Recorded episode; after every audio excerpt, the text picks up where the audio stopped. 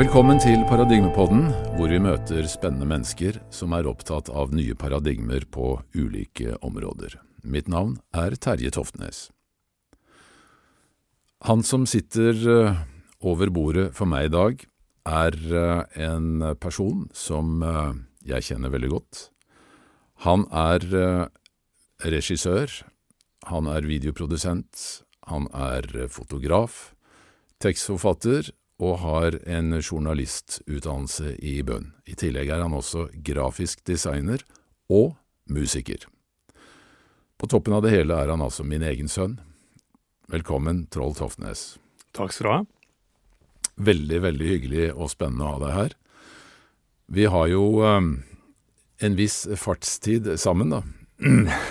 For å si det mildt. Ja, det kan man si. Jeg har kjent deg i 40 år, faktisk. Og uh, for, akkurat for tiden så vet jeg at du også, i tillegg til alle de andre tingene jeg nevnte her, så jobber du med et uh, romanprosjekt. Stemmer. Kan du fortelle litt om det? Ja, jeg jobber med et, med et romanprosjekt som, som, egentlig handler om mange av de samme temaene som du tar opp i denne podkasten her, og også temaer som du og jeg har jobbet sammen om på dokumentarfilmfronten i mange år. alt fra alt fra bevissthet til utenomjordisk liv, menneskehetens opprinnelse og den type ting. Så det er et prosjekt som jeg har jobba med egentlig i mange år, men er liksom, liksom på oppløpssida nå, og håper å klare å ferdigstille første delen av i løpet av det året her, kanskje. Så vi får se. Veldig, veldig spennende. Ja. Og som sagt så har jeg jo hatt gleden av å kjenne deg i ganske mange år, da, siden du er sønnen min.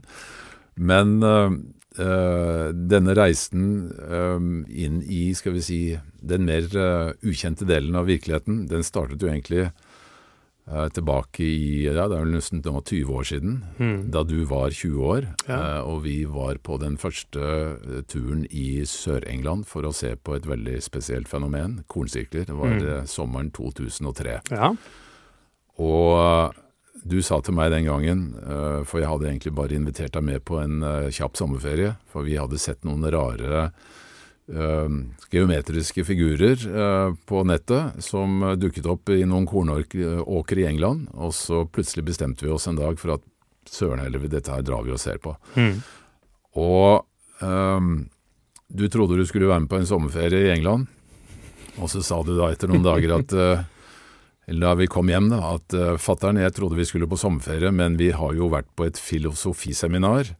Uh, 18 timer i døgnet i løpet av den der turen, så det var, ble litt annerledes enn du kanskje hadde tenkt. Men, uh, men faktisk på en ganske, tror jeg, for be oss begge veldig veldig positiv måte. Hvordan, si litt om hvordan du opplevde det der. Nei, altså, altså klart at vi har jo Jeg har jo hørt om disse temaene så lenge jeg kan huske. Jeg har jo i eh, Jeg skrev jo særoppgave da jeg var tolv år gammel om ufoer. Fordi at det var ting som eh, du hadde snakket om, og som, hadde, eh, som jeg syntes var spennende. Jeg tok jo og uh, står jo i dagboka mi fra da jeg var 15 år at vi var på vei hjem fra hytta, liksom, og da prata vi om uh, prata vi om, om ufoer og om, om, liv andre steder i universet hele veien hjem. ikke sant? Så det er jo ting som vi har Det er jo temaer som jeg også syns har vært spennende, da, og som du har fortalt om, og som jeg har etter hvert begynt å uh, studere mer på egen hånd også. Uh, da vi kom til England uh, i 2003, så var det jo fordi at vi begge to var veldig interessert i disse temaene. og selv om kornsirkelen var en veldig sånn spektakulær, visuell eh, opplevelse, så var det kanskje mest av alt et, eh, et sted hvor altså det, de fungerte nesten som, i hvert fall på den tida, som en sånn magnet på mennesker som var nysgjerrig på si, den utvidede virkeligheten, da, eller liksom en større forståelse av hva livet og virkeligheten er for noe. Mm. Så jeg husker jo den sommeren der så traff vi jo så sjukt mye mennesker som uh, i disse, inni disse kornsirklene, som, uh, var, som var interessert i å snakke om alt mulig rart, ikke sant.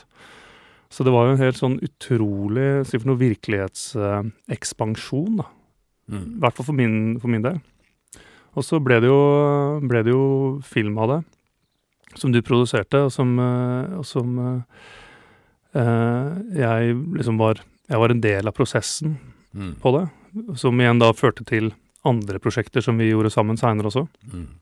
Så det var jo et sånt slags startskudd på både et slags profesjonelt samarbeid som du og jeg har hatt egentlig siden, men eh, også i hvert fall min reise inn i, inn i disse temaene. da.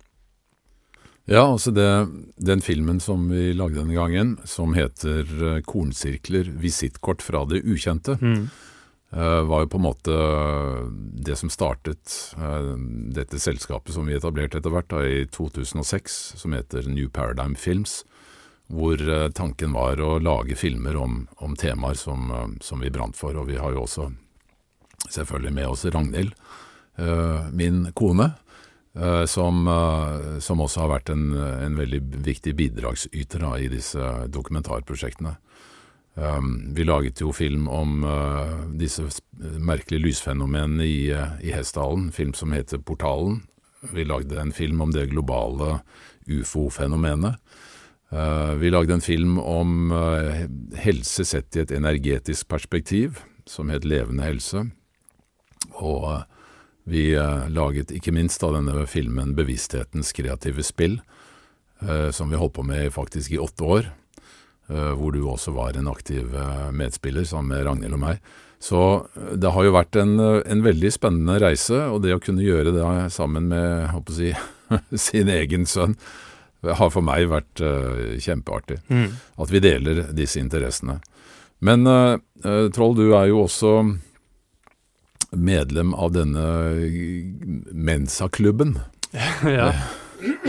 Uh, fortell litt om hva det egentlig er. Altså, eh, jeg har jo alltid syntes det har vært veldig spennende å, å liksom utforske ting. Eh, finne ut av, ikke sant. Lese, studere.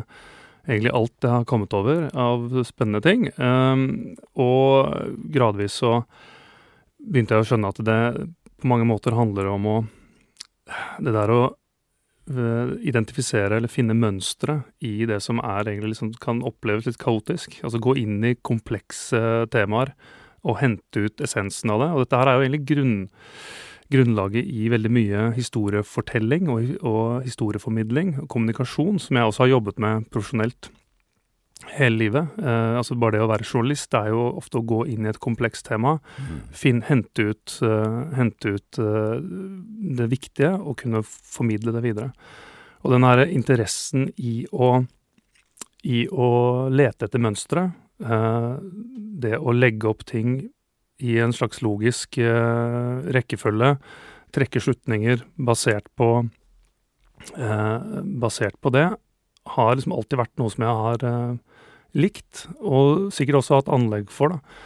Eh, og så var jeg liksom litt sånn på søken etter et, eh, et eh, fora eh, av andre likesinnede som også syns disse tingene var spennende. Og, og Mensa dukka opp da, som en sånn et, ja, en samling av folk som, som uh, syns det er gøy å lete etter mønstre i, uh, tilsynelatende kaos. Mm. Og det er jo egentlig det Det har liksom blitt litt sånn en mystisk greie, fordi at det er, det liksom en eh, inngangsprøve og sånn. Eh, men det er på en måte ikke noe mer, mer komplisert enn at har du lyst til å spille fotball med folk som, andre folk som er flinke til å spille fotball, så må du vise at du også er flink til å spille fotball, liksom, og da kan du bli med i klubben. Mm. Det er litt på samme, samme planet. Mm.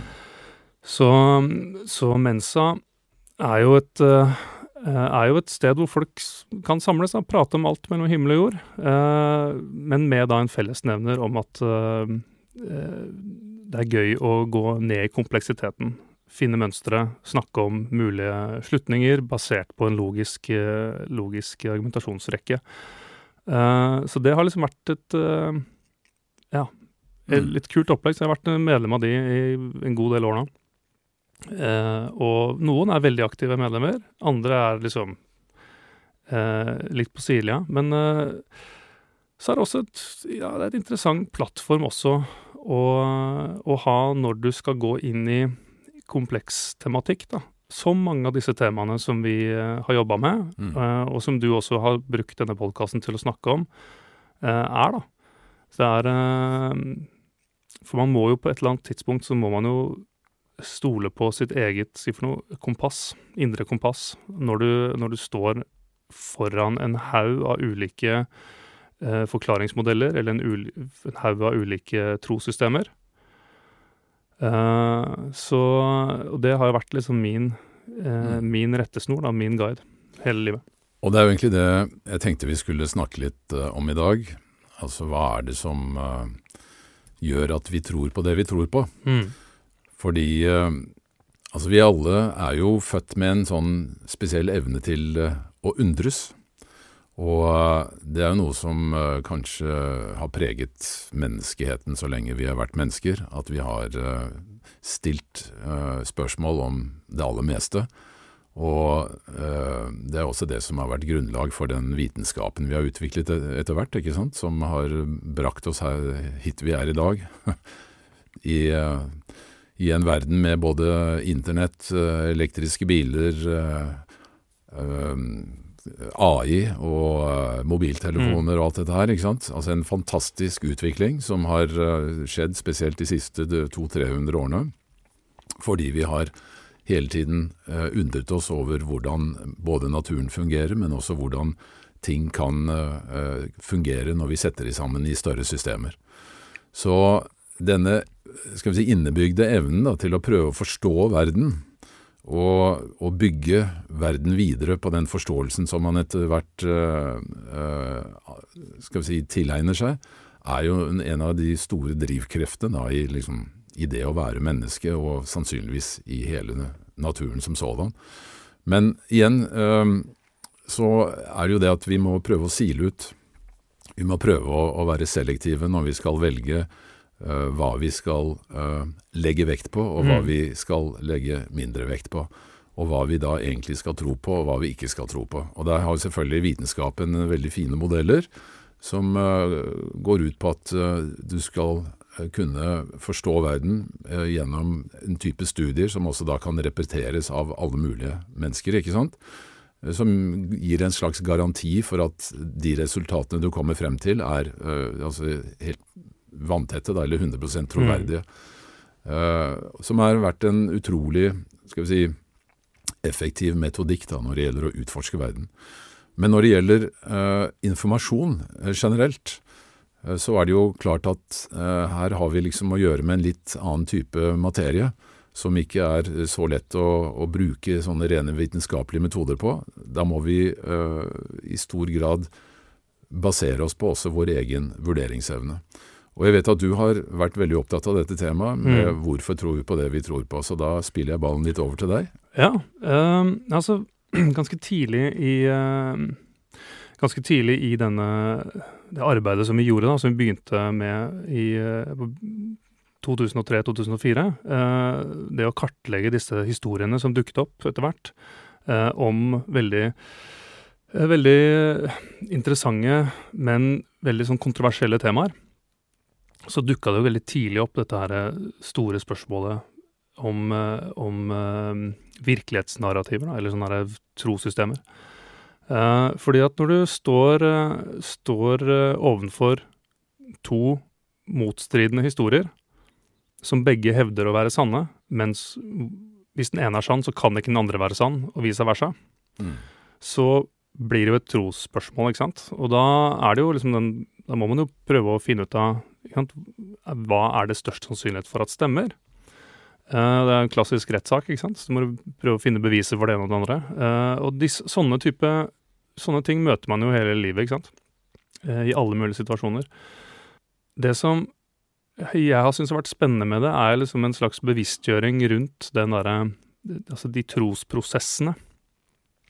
Og det formulerte seg som en sånn slags en sånn spørsmålssetning eh, ganske tidlig, og det var det som du nevnte i stad. Hvorfor tror vi at vi vet det som vi egentlig vet at vi bare tror? Ja, det er en morsom måte å si det på. Eh, fordi at eh, hvis du bare graver liksom litt ned i din egen forståelse, så, så må man jo erkjenne at det aller, aller meste vi forholder oss til, i virkeligheten, er tro. Mm. Ikke sant? Altså eh, For det er jeg, har jo ingen måte å verifisere eh, at jorda er rund og månen er en eh, stein som går i bane rundt oss, og vi går i bane rundt solen og sånn. Jeg kan observere det, men jeg kan ikke Men den, den virkelighetsmodellen der er jo et trossystem. Jeg tror på at astronomene har funnet ut av det. Jeg tror at det er sånn det funker. ikke sant? Jeg tror ikke at jorda er flat. Jeg tror ikke at sola går i bane rundt jorda, osv.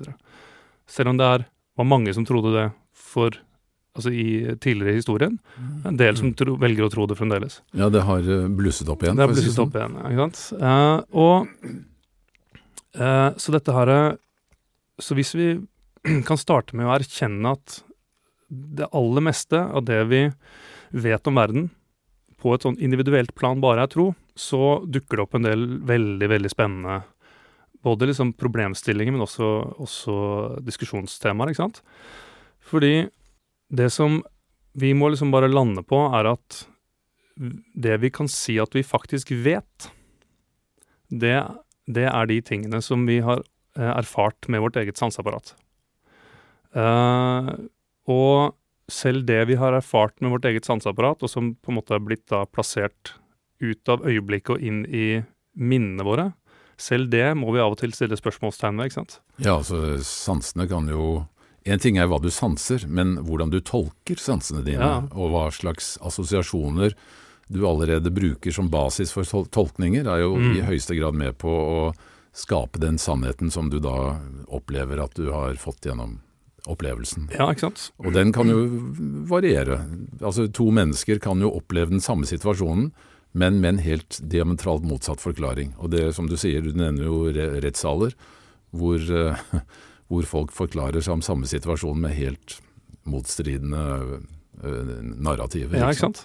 Så det der, hvis man da går ned på et sånt derre hva er den objektive sannheten, så er det egentlig forsvinnende lite vi kan faktisk si at vi at vi vet. Det aller, aller, aller meste av det vi forholder oss til, er ting vi tror på, og som vi bevisst, men i aller høyeste grad ubevisst, aktivt velger å tro på, ikke sant.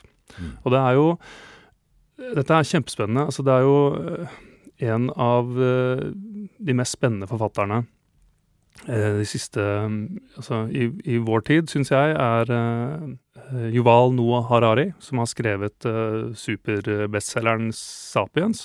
Ja. Uh, som også har skrevet Homo Deus og 21 Lessons for the 21st Century, og en del uh, videre rundt den tematikken, som basically oppsummerer vår, eller i hvert fall vestlig sivilisasjons... Eller vestlig um, vitenskaps uh, forståelse av jorden og menneskehetens utvikling, og også ideer om hvor vi er på vei som som, eh, både som samfunn, men også som, eh, som art. Da. Og det han trekker fram, som er eh, den store, store det store evolusjonære fortrinnet til Homo sapiens, som egentlig skiller oss fra de aller fleste, eller egentlig alle skap, andre skapninger på jorda, er vår evne til å tro på de samme tingene. Ja. Fordi at, sånn som han forklarer det, så har vel Altså, Eh, de fleste dyr lever i en eller annen form for flokk. Et eller annet form for samfunn. Men med en gang det er liksom en Du kommer over et visst nivå av kognitiv utvikling, til et punkt hvor du har en slags sånn derre en, en, altså en identitet, eller ikke en identitet, men altså du har en individuell bevissthet, da. Mm. utover, klart, er du liksom maur i en maurtue, eller er du bier i en bikube, så kan man jo kanskje se det som at man er en del av en sånn hive mind uh, i større grad. ikke sant? Man har bare, bare, bare utfører uh, oppgaver som du bare liksom ligger i systemet ditt, på en måte. Men med en gang du kommer opp på pattedyrnivå, så, har, så, har, jo individene egen vilje. Mm. Og da velger man jo stort sett å ta oss og samle seg i, i flokker, i familier, i grupper, ikke sant. Uh, og det gjør jo mennesker òg. Men vi, på grunn av vår evne til å tro på de samme, uh, de samme ideene, så har vi muligheten til å danne mye, mye større flokker enn det noen andre arter kan gjøre. Sånn at det som er grunnlaget for at vi har klart å skape sivilisasjon, ifølge Harari og de vitenskapsmiljøene som han representerer, er at vi eh, kan dele den samme ideen om hva virkeligheten er for noe. Og, hva, eh, og, og det er kjempespennende. Vi kan gå langt ned den gata der. Eh, de som ikke har lest bøkene hans, bør lese de, for de er kjempeinteressante. Eh, men da er vi tilbake igjen ikke sant, på, på trossystemer. Og med en gang vi nevner ordet trossystemer, så er det lett å tenke på religioner. Og så veit vi jo det at religioner har hatt en enorm innflytelse på samling av eh, samfunn. Eh, og, og, hvordan eh, store folkegrupper har kunnet liksom hatt eller annet, en eller annen form for sånn overordna samarbeid, fordi at man har trodd på den samme ideen om hva som er de viktige elementene i livet, og hva man bør streve etter, og hva man bør gjøre, ikke sant. Mm. Så dette med dette med trossystemer og hva vi tror på, det er liksom ikke bare liksom interessant ut ifra et sånt uh, filosofisk perspektiv, men det er basically, da, uh, fundamentet i hele sivilisasjonen vår, ikke sant, er evnen til å tro på ting som du selv ikke har opplevd. Ja. Og da også evnen til å tro på de samme tingene som man ikke har opplevd, og evnen til å tro på det andre hevder at de har opplevd. Ikke sant? Ja, ja. Uh, så hvis vi da hopper tilbake til dette spørsmålet, da, hvorfor tror vi at vi vet det vi egentlig vet at vi bare tror, mm. så skjønner vi jo at i det spørsmålet her så ligger nøkkelen til å forstå hvordan hele samfunnet fungerer. Uh, og hvordan historien har utviklet seg, og hvorfor vi er Hvorfor sivilisasjonen vår er på det stedet den er i dag, sånn som den er.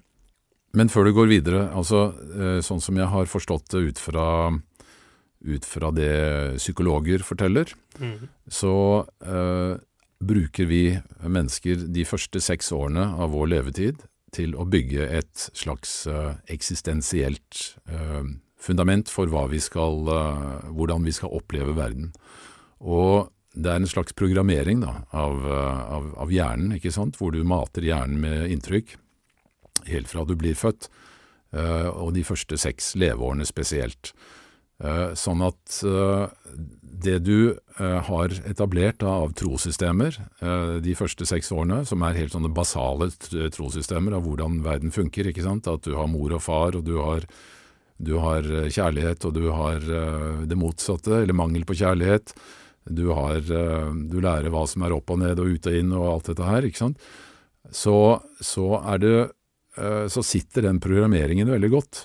Og det er jo derfor mange sier at barn som da f.eks. blir programmert uh, uh, inn i religiøse trossystemer allerede fra de er uh, altså tre-fire år gamle, de har veldig vanskelig for å endre de trossystemene, de religiøse trossystemene. Uh, i voksen alder. Og Derfor så ser du veldig ofte at du har altså skolesystemer innenfor store organiserte religioner, hvor de begynner å på en måte programmere barna uh, fra veldig, veldig tidlig alder. For da er du på en måte garantert at de beholder dette samme systemet livet ut. Sånn at uh, vi mennesker er jo Altså det er jo det virker som uh, det er mange ting på, på harddisken vår, for å si det sånn, som er vanskelig å slette når det først har satt seg. Uh, og det ser du også at uh, det f.eks. da igjen religion, det å overbevise en voksen person fra en religion om at vedkommende tror på feil religion og bør heller skifte til en annen religion, det, er, det forekommer veldig sjelden. Og du kan se det samme innenfor, eh, ja, la oss si, eh, vitenskapen, hvor det er også etablert veldig mange trosretninger, eller dogmer, ikke sant, ting som egentlig vanskelig lar seg bevise, men som først, først, har startet som en teori, så blitt et dogme, for så å bli et fakta når dogme gjentas eh, mange nok ganger. For eksempel da bare med fenomenet Big Bang, ikke sant som visstnok skal ha skjedd for 13,8 milliarder år siden, som er en, eh, startet som, som en teori, som ble et dogme, som ble en sannhet. Men ingen har hatt mulighet til å bevise at det virkelig var sånn det hele startet, at universet startet Mm. med et stort smell fra en knappenålshode stort uh, partikkel. Nei. Eh, men det er sånn som man bare har godtatt etter hvert, ikke sant? Ja, og ikke bare har man godtatt det, men det har også blitt, eh, som du sier, det har blitt, blitt fakta, ikke sant? Og selv om det er eh, det, Ingen kan, kan egentlig forstå det, Mm. så er det bare blitt en, en, en forklaringsmodell som de, som de aller, aller fleste som ikke har en eller annen eh, sterk, relativt ortodoks religion eh, iboende i trossystemet sitt, Mm. de aller fleste som ikke har det, tror på Big Bang. Mm. Ikke sant. Eh, og selv folk som aldri har interessert seg for astrofysikk eller noen ting, eh, de har en idé om ja, men universet starta med Big Bang. For Mm. det er en det, og, og det er jo fakta, ikke sant. Men, jeg, men jeg tror også at dette er egentlig veldig vesentlig, Uh, for, fordi at vi trenger alle en trygghet i tilværelsen, ikke sant? Vi trenger, all, vi trenger alle en trygg plattform å stå på. Så den der programmeringen som jeg sier, altså opp til øh, seksårsalderen, så den gir deg på en måte en sånn basic grunnmur som du kan trygt stå på uh, resten av livet, mens alt det som kommer etterpå er ting som du bare må sortere da, for å prøve liksom å, å manøvrere eller navigere i denne virkeligheten. Ja, og da er vi tilbake igjen på dette som, uh, som han Harari også skriver om. Det, eh, altså den, det fellesskapet som finnes i et trossystem, det er, altså det er liksom den grunnleggende plattformen da, for, eh, for samfunnet, ikke sant. Eh, det, at vi, det at vi kan eh, se verden med de samme øynene, og er enige om at ja, men rødt er rødt og blått er blått, og eh, ikke sant? det er himmelen, og det er, det er naturen, og det er Gud. Altså At vi er enige om en del sånne grunnleggende ting, gjør at vi kan kommunisere med hverandre. Og jo større, jo, jo videre et sånt trossystem sprer seg, sprer seg, jo større har samfunnet muligheten til å bli, ikke sant. Mm. Uh, og det som er også veldig interessant, for du var inne på det, dette med altså, hvordan barn uh, Du brukte ordet 'programmeres', og det er et veldig interessant ord. Eh, for det er jo sånn at vi, eh, hvis vi begynner å snakke om da hvem er det vi får disse trossystemene fra, ikke sant, så er det jo fra autoritetene i tilværelsen vår. Mm. Eh, og når du er et lite barn, så er liksom den ultimate autoriteten, det er mamma og pappa. Så det mor og far sier, det er, det er sånn verden er. Hvis du spør om eh, hva, hvorfor er den mauren der, liksom, og pappa sier at nei, men det er et lite insekt som kommer fra en maurtue som sånn og sånn og sånn, ja, så tror du på det. Mm. Hvis du sier at nei, den, den mauren der, den, eh, den eh, kom flyvende ned fra, fra Gud i himmelen uh, for å Ikke sant? Å ja, så tror du på det. Uh, og problemet, eller største sånn eh, virkelighetskrisen til et lite barn, er jo når mamma og pappa forteller forskjellige ting. Mm. Når eh, mamma sier én ting og pappa sier en annen ting, og du plutselig står der med hvem skal jeg tro på. Det er liksom første gang i livet du møter en sånn derre Si for noe, en, eh, ja, en virkelighetskrise, da. Mm. Og så gradvis så blir vi eldre, og så møter vi andre voksne autoriteter. Enten på en måte i barnehage eller på lærere på skolen. Og når læreren din i, i, i, i KRLE forteller om, eh, om eh, hinduismen eller om eh, islam eller om kristendommen, eller læreren din i norsk forteller om utviklingen av diktning i, liksom, i det norske språket, så tror du på det. Mm. For dette er jo en autoritet som forteller om noe han eller hun har tydeligvis ekspertkunnskap om, og du har ikke noe grunn til å stille spørsmålstegn ved det. Uh, og etter hvert som du blir enda eldre, så begynner da denne panteonen av eh, autoriteter da, og blir større og større og større. Og så er det ikke lenger bare lærere eller forelesere, men det er også, det er også andre myndighetspersoner som snakker gjennom media, eh, aviser, TV, etter hvert internett, sosiale medier. Eh, og så får vi da mer og mer og mer input fra disse autoritetene, som da er med på å forme et enda mer detaljert eh, kart over virkelighetsbildet vårt. sant? Og så kommer vi da til eh, tilbake til nok en sånn derre Så møter vi enda flere av disse virkelighetskonfliktene når en politiker sier én ting, en annen politiker sier en annen ting. Når en statsleder hevder det, og en annen statsleder hevder det. Når en historiker sier at det var sånn, og en annen historiker sier at det var sånn. Og så plutselig står vi der, ikke sant. Mm.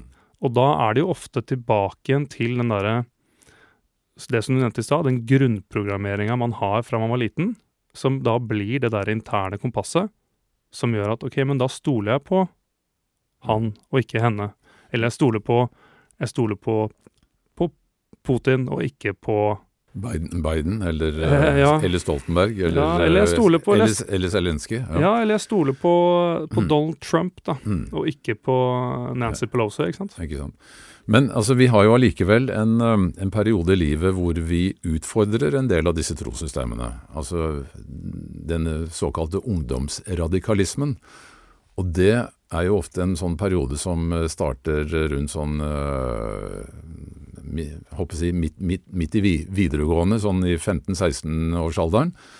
Når du plutselig opplever at de sterkeste autoritetene i livet ditt, mor og far, eh, faktisk eh, ikke er så perfekte skapninger som, eh, som du har trodd fram til da. Eller all, allvitende skapninger. Eller allvitende, Ja. for den saks skyld. Altså perfekte, imperfekte i den formen at Mm. en del av de tingene de sier og hevder, kan du faktisk etterprøve og oppleve at kanskje ikke stemmer helt. ikke sant? Mm. Og da eh, formes jo på en måte din egen identitet enda sterkere. Og det er nok en sånn naturlig mekanisme at du egentlig skal utfordre de sterkeste skal vi si, leverandørene av trossystemer. Da våkner skeptikeren i deg, fordi du er kommet så langt i din personlige utvikling at du kan begynne å tørre å stille spørsmål uten at du eh, nødvendigvis ødelegger eller underminerer ditt eget fundament. ikke sant? Mm. Du er trygg nok i deg selv til at du tør å utfordre dine nærmeste autoriteter.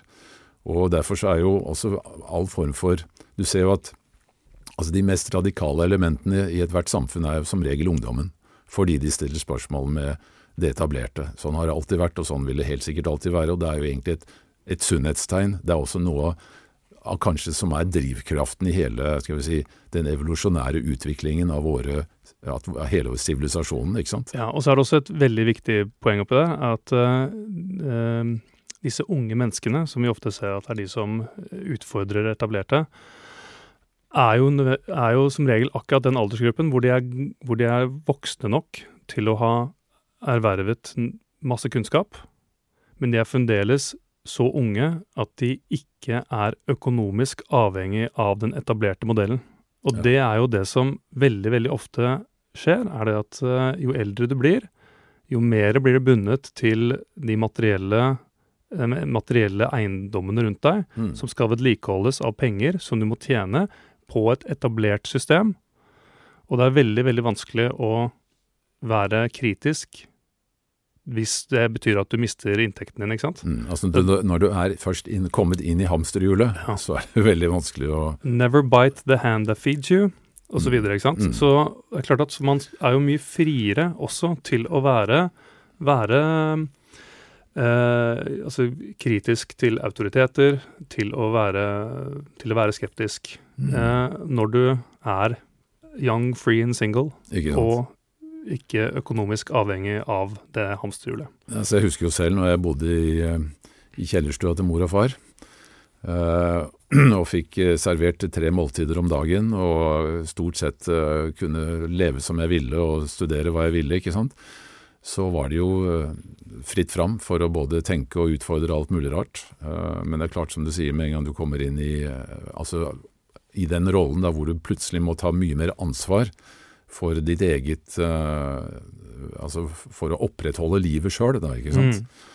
Så, så endrer det seg, fordi eh, da bringes helt nye elementer inn i livet. Og ikke minst også når du begynner å skal etablere familie og med egne barn osv., så, videre, og så, så kommer ansvarsbyrden på deg, og da vil det også styre veldig mange av de eh, tingene du tror på. Da. Ja, og det er, sånn sett er det klart det er lettere å være liberal Ja. eh, når du er mer fri. Uh, og det er lettere å bli mer konservativ når du er mer bundet, ikke sant. Ja. Og, og uh, igjen så er det også noe med at Tilbake til dette trossystemet. Uh, hvis du tror at livet ditt og livet til familien din og lykken din, altså det, det, du opplever av gode ting i livet, er avhengig av det systemet som du er en del av, så vil du også handle deretter, ikke sant. Mm. Uh, så dette her går jo veldig hånd i hånd. den, altså hvor hvor man er i livet, hvor man er i verden, hvilke, hvilke mennesker, hvilke miljøer man møter på til daglig, men også hvilke ansvar man har med familie og med eiendommer og alt mulig sånne ting. Og eh, det virkelighetsbildet man tror på. Og derfor er det jævlig ofte at, uh, at foreldre kommer i diskusjoner med barna sine om liksom hvordan er det best at dette landet styres politisk. Mm. Altså Du og jeg har også hatt de samtalene, liksom. Ja, ja, herregud. Ja, hvor du sitter og sier at nei, men det er klart at vi må, vi må tenke på det økonomiske bærekraftige systemet i dette landet. Uh, mens jeg sier at hvorfor i alle dager kan vi ikke bare altså, kutte ut hele oljeindustrien? Det er mm. ikke noe problem, det. Uh, så det er klart at det er lettere for meg å si det når jeg, da jeg ikke hadde boliglån og og, mm. og, ikke sant? Eh, og måtte tenke på en, en uh, pensjon en gang i framtiden. ikke sant? Det, altså, det, er, det, er, så mange sånne ting da, som, som uh, uh, ligger til grunn for de mm.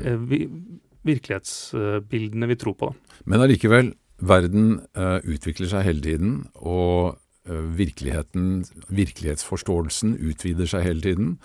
Og øh, nå sitter jo jeg, jeg her som øh, Altså, jeg blir 73 år om øh, en måneds tid. Mm. Og jeg må jo si at fremdeles så syns jeg det er veldig fascinerende å utfordre en del etablerte sannheter. og det er derfor jeg driver denne podkasten, blant mhm. annet. Men, men jeg, jeg, jeg, tror jo det at Altså Selv om jeg også kjenner at jeg har veldig mange sånne etablerte ting som jeg eh, ikke har så veldig behov for å, å rokke ved. Altså Jeg tror jo på demokratiet, jeg tror på en viss form for markedsøkonomi, ikke sant. Jeg tror at uh, jeg har eh, tillit til myndighetene våre. Selv om jeg er uenig i veldig mye av det som skjer på Stortinget, så har jeg likevel tro på at de menneskene som sitter der, prøver å, å gjøre ting i, til folkets beste. Selv om jeg også vet at de er eh, selvsagt egostyrt og blir litt blendet av det å ha en maktposisjon osv., så, videre, så tror jeg at de uh, gjør ting til vårt beste, ikke sant. Mm -hmm. Men uh, jeg vet jo også da at innenfor forskjellige typer uh, skal vi si, retninger, da, som f.eks. medisin, som jeg har vært veldig opptatt av fordi jeg har hatt en, håper den kreftopplevelsen mm. jeg hadde hvor jeg måtte dykke inn i kreftuniverset så, for, så endret det uh, Den opplevelsen endret veldig mye mitt syn på hvordan medisin utøves. Fordi jeg så jo da at uh, det er veldig mange ulike krefter som styrer da et sånt system, da, som f.eks. medisin er. ikke sant? Mm. Hvor du har uh, både utrolig mange velmenende leger og pleiere på den ene siden, og så har du da et uh, markedsstyrt uh, leverandørnettverk av folk som skal levere medisiner og levere forskning og levere uh, skal vi si, infrastruktur og bygninger osv., osv., som er styrt av litt andre insentiver. ikke sant? Sånn at f.eks. For, for å ta kreftmedisin, da, som, som, jeg har forsket en del på, i den grad jeg kan det som ikke-medisiner, men jeg har skjønt at veldig mye av eh, all kreftmedisin styres av sterke økonomiske interesser, som gjør at uh, komplementære behandlinger, som er mye billigere og kanskje også faktisk i mange tilfeller mye mer virksomme, har veldig vanskelig for å, å bryte gjennom, fordi at det er så sterke økonomiske interesser i å, å opprettholde et, det eksisterende systemet, ikke sant? Mm. som er basert på at at medisiner er det som, øh, som, skal på en måte kurere det meste, fordi at medisiner kan kommersialiseres, og det kan generere mye inntekt osv., og, så videre, og, og selvfølgelig også gi store muligheter for å øh, skape øh, formuer som kan bruke til forskning og alt dette. Så det er store, tunge mekanismer, men som jeg i hvert fall synes å kunne se fra et utenforstående sted, at kunne trenge å endres ganske mye. Men så sier jo de som sitter og, eller som jeg har snakket mye med dette her om, at Uh, ok, uh, kanskje det er andre måter å gjøre det på, men da utfordrer du altså så mange doktorgrader som må i så fall puttes i skuffen, at uh, det kommer til å ta veldig, veldig lang tid. Og det er jo noe av det som jeg syns er interessant, da. Hvordan vi kan endre store, inngrodde, og gjerne altså fastgrodde systemer på en skal vi si, fornuftig og effektiv måte uten at uh, noen skal føle at de blir fratatt både livsgrunnlag og verdighet og prestisje og kompetanse og alt dette her, ikke sant. Fordi de uh, elementene der uh, gjør at utviklingen på mange områder går mye, mye saktere enn det den egentlig kunne ha gjort. Mm.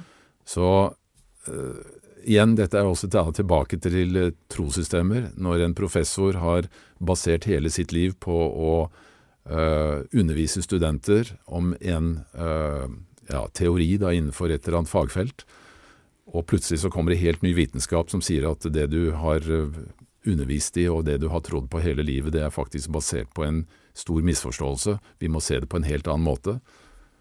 Ja, der ligger det altså en helt opplagt bremsekloss. Den professoren har veldig vanskelig for å svelge det og kunne endre det, for det underminerer. Altså det gjør at uh, hele grunnmuren hans, eller hennes, blir på en måte pulverisert i det mm. øyeblikket. Og det, det, ut, altså det er så det, er så skremmende fordi det, det, rett og slett utfordrer hele ditt eksistensgrunnlag. ikke sant? Men Det er, eh, altså det er jo en, eh, en sånn iboende egenskap ved, ved, hele samfunnet vårt, er jo at så fort noen er eh, økonomisk bundet opp til et, eh, til et eh, eksisterende system, altså et, kall det et paradigme da, innenfor, innenfor et eller annet fagfelt, så er det ekstremt vanskelig å, å, bryte ut av det. Og naturlige reaksjonen, hvis det er noe som truer det, det paradigmet, eller den, det systemet, er at man ønsker å slåss mot det.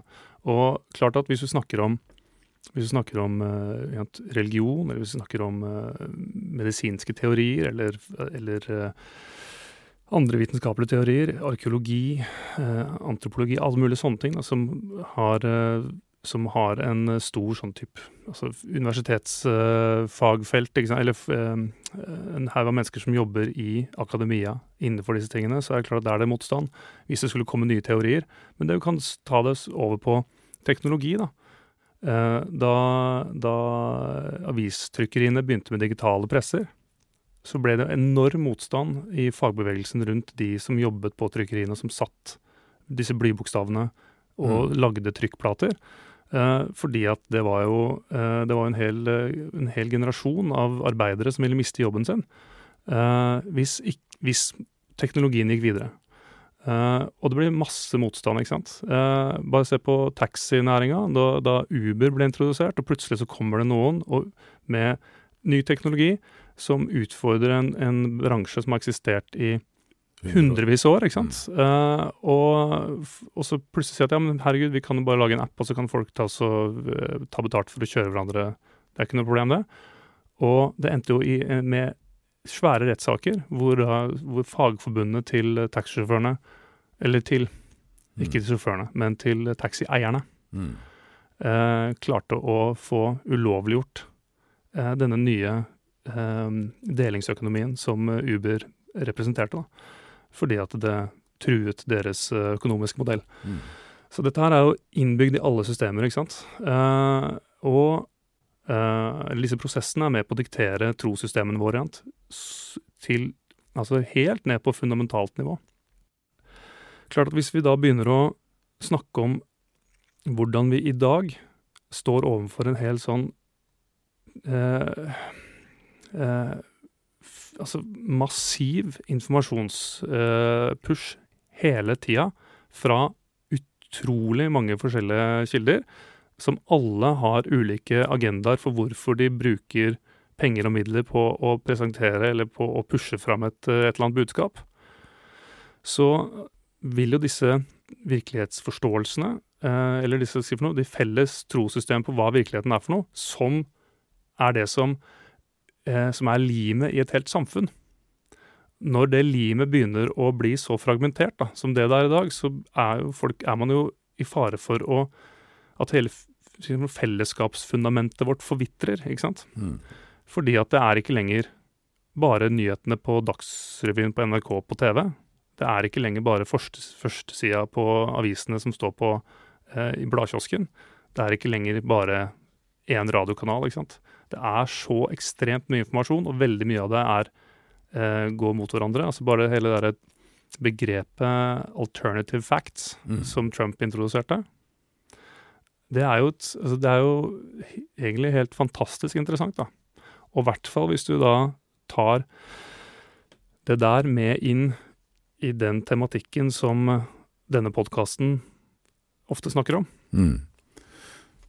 Ja, og vi har jo nettopp eh, i de siste tre episodene av denne podkasten også tatt opp et ganske eh, kontroversielt tema, som eh, mange mener er en del av virkeligheten, faktisk undertegnede inkludert.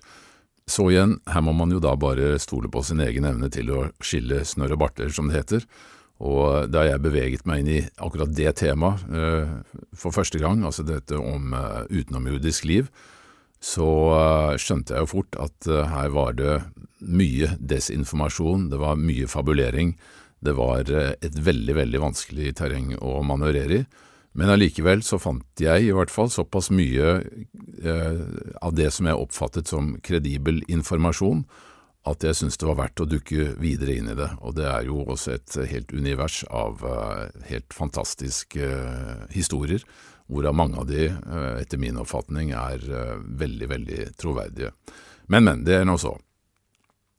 Men eh, det må jo, altså hvis, når historien skal skrives om, om 100 år, eller noen hundre år, så vil jeg jo nesten tippe at introduksjonen av internett og smarttelefoner representerer en av de største paradigmeskiftene i vår, eh, altså i hvert fall vår moderne sivilisasjon. Mm. Fordi eh, ev, altså mulighetene som nå har vokst frem da, de siste 20 årene, med å utveksle informasjon over landegrenser, eh, og at alle på en måte kan starte sin egen radiokanal, akkurat som vi nå har startet vår egen radiokanal her, ikke sant, Paradigmepodden. Og at den kan distribueres over hele verden. altså Folk kan sitte i Kina og høre på det vi snakker om nå, om, eh, i det øyeblikket vi legger det ut på lufta. ikke sant? Mm. Det er jo altså en så total, eh, enorm endring fra hvordan samfunnet var bare for altså 30-40 år siden. Eh, altså, hvis det med en gang det skjer noe på den andre siden av jordkloden, så vet vi det. Mm.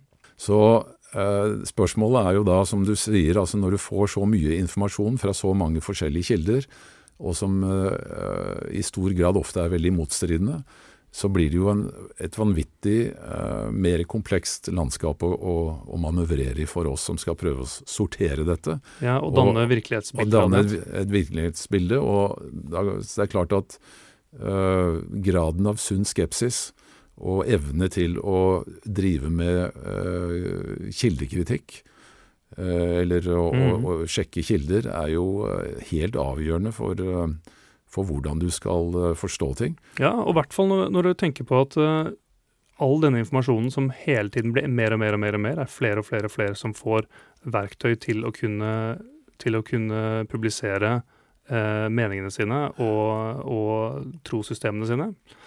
Eh, når alle disse kildene uansett skal gjennom et, eh, en sånn eh, eh, hva det for noe? En port eller en sånn der gateway, Mm. eh, som heter Google, eller Meta, altså Facebook, Instagram, eh, eller tilsvarende store, store eh, digitale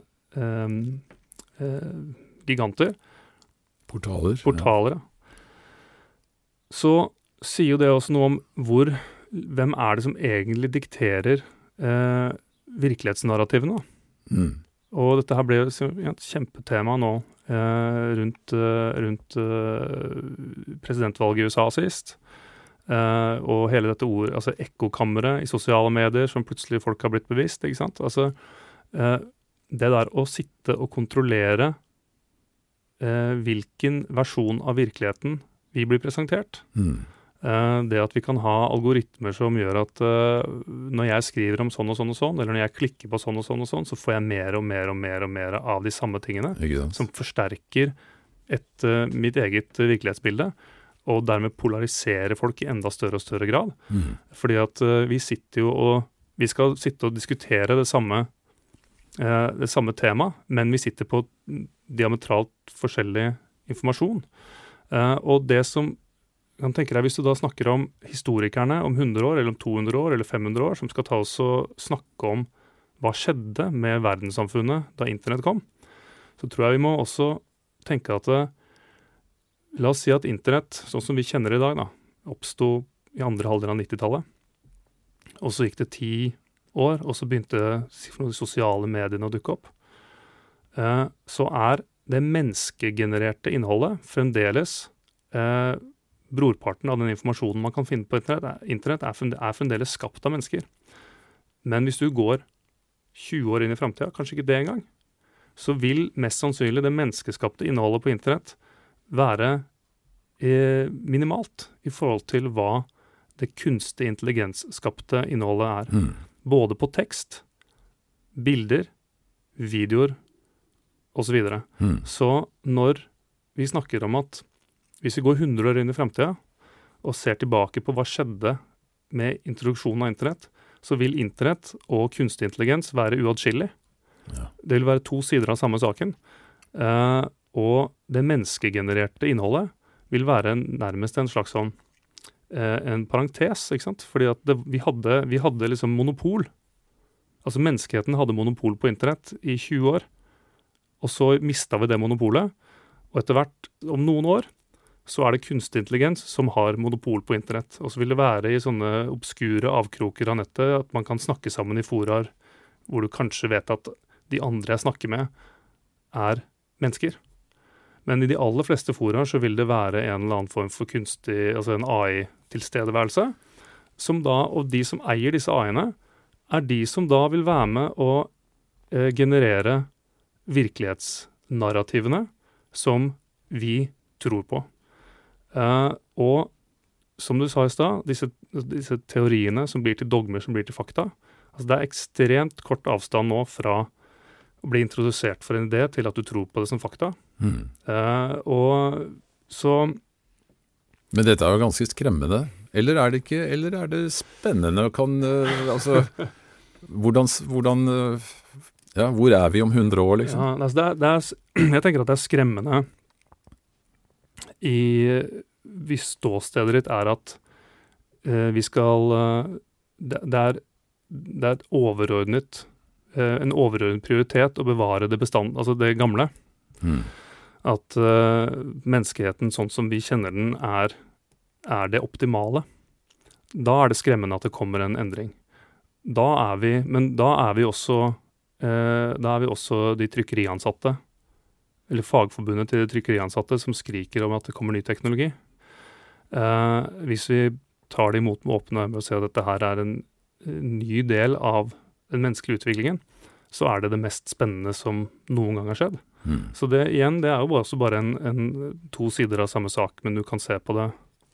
Men altså, igjen så er det jo dette Altså, den som kontrollerer informasjonsflyten, den har kontroll på narrativet som igjen da kan kontrollere uh, hva mennesker tror på, ikke sant. Ja, og, og, og, ikke minst hva mennesker tror at de vet. Ja, og dette er jo nå veldig tydeliggjort uh, i forbindelse med altså Russland og Ukraina og hele den, uh, skal vi si Ja, det som skjer rundt dette, da. Hvor vi ser at, i hvert fall sett med vestlige øyne, at russerne fabrikkerer da et narrativ basert på det som vi opplever som veldig mye løgner. Ikke sant? Altså de omskriver en virkelighet til uh, sin fordel for å kunne servere den i en uh, spisbar innpakning til sine egne innbyggere, for å skape en, en unison skal vi si, uh, et momentum da i sitt eget land som da kan forsvare det som lederne eller eliten på toppen dikterer eller, eller gjør. Altså det å forsvare da en angrepskrig, eller det som vi oppfatter som en angreps, angrepskrig, Det har de på en måte klart, fordi at 80% av alle russere mener at det Putin gjør er helt riktig. Mhm. Så det, det er jo et veldig eh, godt eksempel på hvordan man kan bruke eh, altså informasjon på en bevisst måte til å forme altså et nasjonalt eh, narrativ. Og det samme selvfølgelig her i Vesten. ikke sant? Altså Vi har jo våre oppfatninger om eh, den situasjonen, som på mange måter er diametralt motsatt. Nå skal ikke jeg sitte her og ta stilling til hva som er riktig og hva som er galt, selv om jeg har en sterk følelse av hva det er. Men i hvert fall så er det interessant å se at både russere, som er eh, veldig oppegående mennesker altså i, I Russland finnes noen av verdens beste forskere, noen av verdens lyseste hoder. Eh, det finner du også i Vesten. I eh, USA er noen av verdens lyseste hoder. Men allikevel så oppfatter disse altså verdenssituasjonen diametralt eh, motsatt. ikke sant?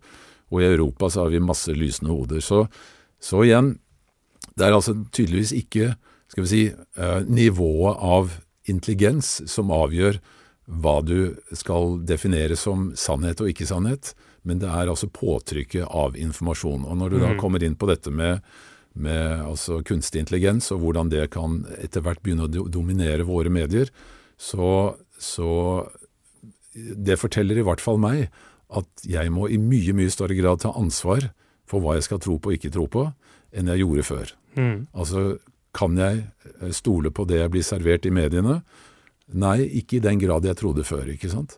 Så det er jo nesten noe sånn parallelt til den derre skal vi si, min personlige kamp da innenfor det medisinske systemet, hvor jeg mener at du som kreftpasient må ta mye større ansvar for din egen sykdom enn å overlate den i, i hendene til eh, eh, et personale på et sykehus som eh, tross alt skal være fagfolkene her, men som eh, innenfor en del områder kanskje ikke nok, eh, er nok oppdatert når det gjelder kunnskap om den sykdommen.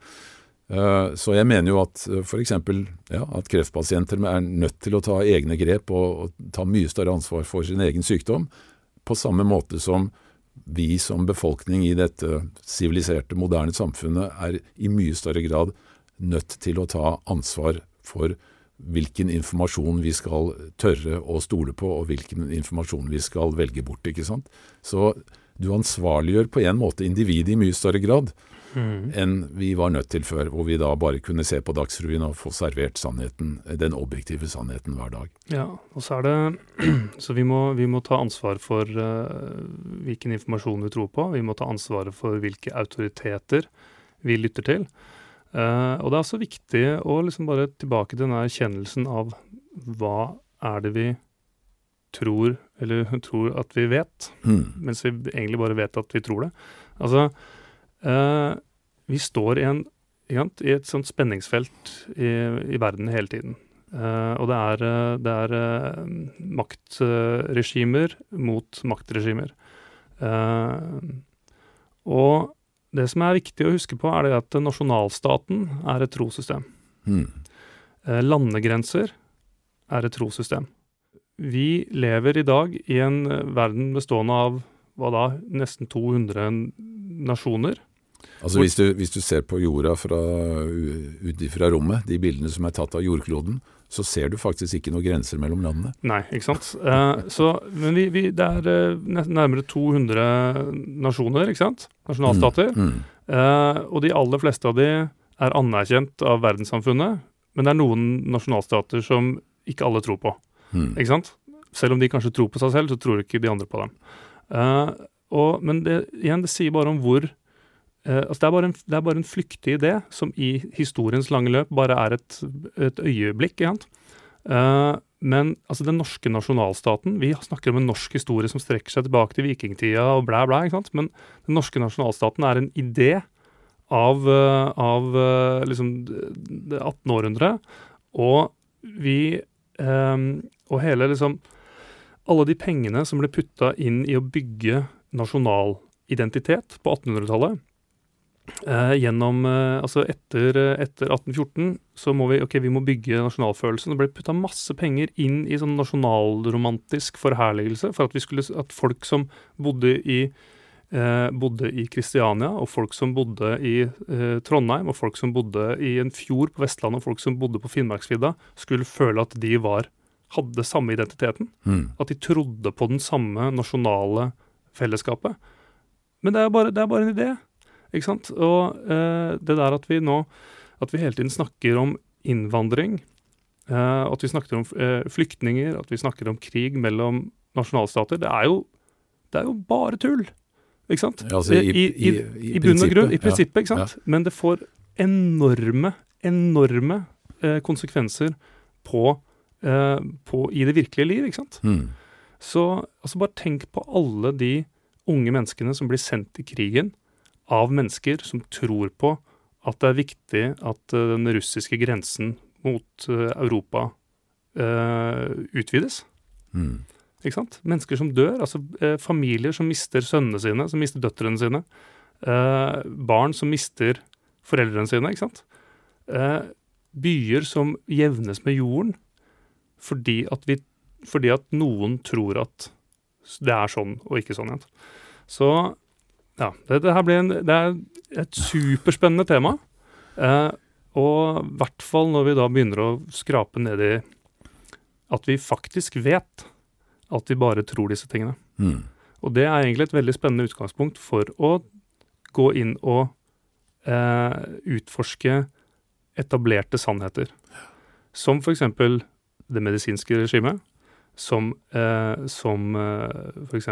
det astrofysiske regimet, eh, som eh, antropologien. Evolusjonsteori.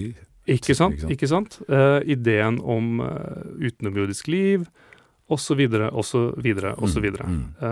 Og det syns jeg det er jævlig spennende at du tar opp i denne podkasten, og jeg håper at jeg kan få bli med og prate med deg om noen av disse temaene, fordi jeg syns det er dritspennende. Ja, det skal vi gjøre fremover med jevne mellomrom.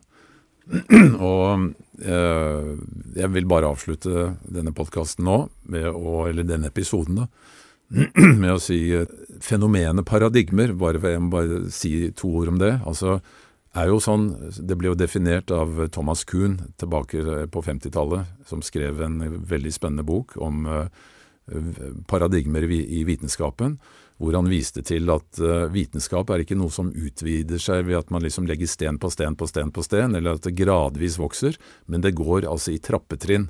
Så man sier at når eh, anomalier, eller altså irregulariteter, eller avvik, da, for å kalle det det, begynner å dukke opp innenfor et trossystem, så kommer det til et visst punkt hvor avvikene blir så mange at hele trossystemet plutselig Eh, utvider seg på veldig kort tid. Altså det, du tar et trappetrinn oppover.